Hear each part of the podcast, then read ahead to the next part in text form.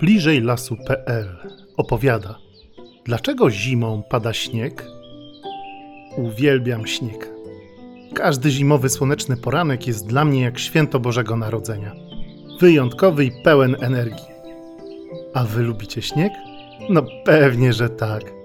Bo kiedy, jak nie zimą, gdy spadnie śniegowa poducha, lepiej lepić bałwany i urządzać najlepsze epickie wojny na śnieżki? Ale zastanawialiście się, dlaczego śnieg pada zimą, a nie latem? Oraz do czego może on służyć zwierzętom i drzewom w lesie? Idąc na spacer do parku lub lasu, doskonale widać na śniegu tropy różnych zwierząt, prawda? No tak, ale nie zawsze, ponieważ okazuje się, że mamy bardzo różne rodzaje śniegu. Jak wiecie, z innego odcinka spotkań z piórem i pazurem pod tytułem Dlaczego mgła w lesie znika, chmury i nasza jesienna mgła to prawie to samo. Oczywiście chmury są dużo wyżej. Aby spadł śnieg, potrzebne są chmury pełne malutkich kropelek wody i odrobina drobnego pyłu. Dzieje się tak, ponieważ, aby mógł się uformować płatek śniegu lub kropla deszczu, potrzebne jest malutkie ziarenko pyłku. Właśnie wokół tego ziarenka przy ujemnej temperaturze zaczyna krystalizować się zawsze sześcioramienny płatek śniegu. Każdy płatek śniegu jest inny, ale to już z pewnością wiecie ze szkoły. Ale czy wiecie, że śnieg fascynował ludzi od setek lat? Pierwsze naukowe badania śniegu pochodzą z XVI wieku, czyli sprzed ponad 500 lat, gdy w Polsce można było jeszcze spotkać rycerzy zakutych w swoje zbroje. Zauważono wtedy, że każdy płatek śniegu jest innego kształtu oraz mogą być one różnej wielkości. Gdy łapiemy na rękawiczkę pojedynczy płatek śniegu, jest on wielkości połowy łebka od szpilki, albo czasem zdarzają się znacznie większe płatki śniegu. Wręcz kolosalne. Największy płatek śniegu został wpisany do Księgi Rekordów Guinnessa, ponieważ miał 38 cm szerokości i 20 cm grubości. Czyli był długości czterech tabliczek czekolady położonych koło siebie.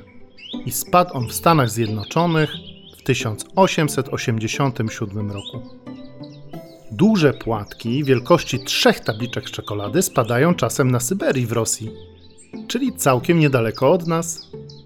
Gdy uformuje się w chmurze płatek śniegu, robi się on tak ciężki, że nie może go utrzymać chmura w sobie i zaczyna opadać on na ziemię. Po drodze łączy się z innymi płatkami i opada coraz to szybciej całymi płatami. Dzieje się tak, szczególnie na początku zimy. Jeśli śnieg, mijając w drodze na ziemię, spotka prąd ciepłego powietrza, lekko się nadtapia i spada w postaci mokrego śniegu, który łatwo się ubija w naszych rękach w śniegowe kule. Z takiego śniegu możemy zbudować fantastycznego bałwana. Jeśli natrafi na zimne powietrze, spada bardzo suchy, jest sypki. Robienie kul śnieżnych już wtedy nie jest takie łatwe, a i zwierzęta na nim nie pozostawiają zbyt wiele tropów. Czasem zdarza się, że śnieg kilkukrotnie jest unoszony przez ciepłe powietrze do góry i z powrotem.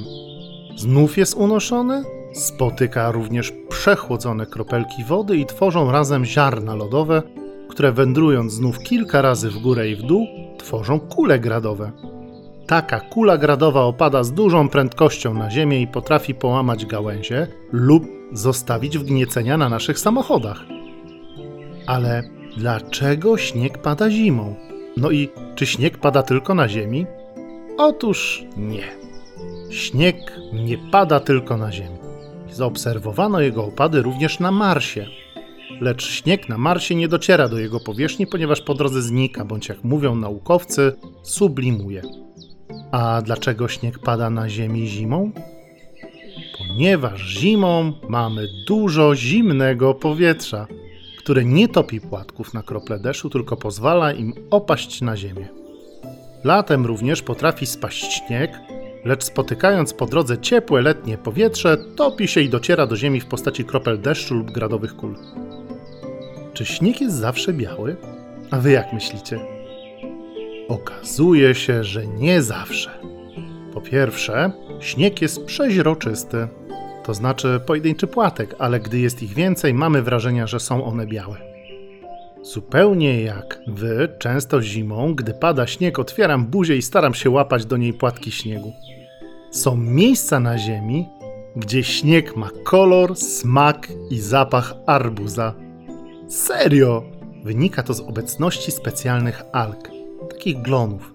To są takie malutkie roślinki żyjące w wodzie, które potrafią kwitnąć nawet na śniegu po długiej mroźnej zimie, gdy powierzchnia śniegu lekko się ogrzeje. Niestety, jedzenie dużej ilości tego słodkiego śniegu powoduje u ludzi silne rozwolnienie, czyli biegunkę.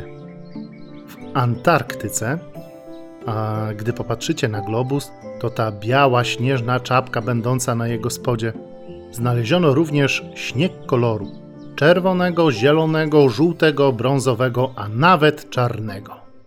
A czy zastanawialiście się, po co zimą pada śnieg? Naukowcy również się zastanawiali i odkryli, że śnieg pełni bardzo ważną rolę w przyrodzie. Oczywiście dostarcza on nam bardzo dużo radości, jednak w zimowym lesie śnieg jest bardzo potrzebny. Śnieg jest zbiornikiem wody, która jest bardzo potrzebna roślinom i zwierzętom podczas wiosennych roztopów. Dzięki niemu wolno rozmarzająca zimna ziemia dobrze się nawadnia i pozwala roślinom o krótkich korzonkach na szybki wzrost wiosną. Czasami opad śniegu nazywamy śniegową kołderką, prawda? Okazuje się, że w tym powiedzeniu jest bardzo dużo prawdy. Pomimo, że śnieg jest zimny, to i tak jest dużo cieplejszy niż zimowe powietrze. Pod śniegiem temperatura waha się na poziomie od minus 4 do minus 10 stopni Celsjusza, a zimowe powietrze może mieć temperaturę nawet minus 98 stopni Celsjusza. Oczywiście nasze polskie zimy nie są tak surowe, ale czasem zdarza się, że mamy temperaturę bliską minus 20, a nawet 30 stopni Celsjusza. Właśnie wtedy śnieg jest niesamowitym schronieniem dla bardzo wielu zwierząt i roślin. Gdy mamy bezśnieżne, ale zimne zimy, wiele zwierząt i roślin nie przeżywa tego trudnego czasu. Pod śniegiem znajdują schronienie różne rodzaje zwierząt. Oczywiście, pierwsze na myśl przychodzą nam myszki, ornice i inne gryzonie. Ale naukowcy zaobserwowali, że w śniegu uwielbiają chronić się również różne ptaki, aby przetrwać zimową noc, jak najmniej wychładzając swój organizm. Czy wiecie, że śnieg jest również sprzymierzeńcem zająców? Dzięki swoim dużym tylnym łapom, które na śniegu zachowują się zupełnie jak rakiety śnieżne. Zające mogą bardzo szybko biegać i uciekać przed lisami i innymi drapieżnikami. Dodatkowo, jeśli spadnie sporo śniegu, zające stojąc na nim mogą łatwo sięgać do pączków drzew i krzewów, które są ich zimowym przysmakiem. Ludzie żyjący na dalekiej północy, nazywani Inuitami, również zauważyli, że śnieg może być bardzo dobrym schronieniem przed zimowym mroźnym powietrzem. Wiecie, jak wykorzystali śnieg? Tak, oczywiście budując iglo. Iglo w języku Inuitów znaczy tyle co dom. Iglo to taki domek, który powstaje z wyciętych nożem płytek sprasowanego śniegu. Jedna osoba może zbudować iglo w ciągu niecałej godziny. Wnętrze takiego domku wyłożone jest najczęściej skórami zwierząt. Tylko czy w iglo nie jest tak zimno jak w naszej lodówce? Okazuje się, że nie. Kilkuosobowa rodzina mieszkająca w iglo potrafi ogrzać je nawet do 15 stopni powyżej zera. Służy im do tego temperatura ich ciał oraz mała tłuszczowa lampka, na której przyrządzają również posiłki. Ale czy w takim razie iglo się nie topi? Ponieważ na dworze jest bardzo zimno, topniejący od środka śnieg momentalnie zamienia się w lód i jest tak jakby wciągany do takiej tafli śniegowej do środka, powodując dokładniejsze jeszcze uszczelnienie pomiędzy blokami tworzącymi ściany tego śniegowego domku. Czasem ludzie północy nie określają zimna będącego na dworze za pomocą termometrów, lecz mówią, że pogoda jest na dwa lub trzy psy.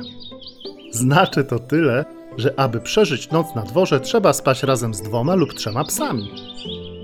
Zróbmy eksperyment. Czy chcielibyście zrobić sztuczny śnieg w domu? Będziecie potrzebowali do tego sody, takiej kuchennej i pianki do golenia. Poproście rodziców o pomoc w zakupach. Oba składniki sztucznego śniegu znajdziecie w każdym sklepie. Potrzebujecie 10 opakowań sody oraz jedną piankę do golenia. Wsypcie do dużej miski sodę, a następnie dodajcie całą piankę do golenia. Następnie możecie rękoma lub łyżką wymieszać całą masę, aby dobrze się połączyła. Jeśli chcecie, aby śnieg był zimny, wstawcie go na godzinę do lodówki. Jeśli nie, możecie od razu przystąpić do zabawy ze sztucznym śniegiem. Dziękuję Wam za wysłuchanie kolejnego odcinka bliżej lasu.pl spotkania z piórem i pazurem. I już teraz zapraszam Was na kolejny odcinek, który pojawi się już wkrótce. Do zobaczenia w lesie.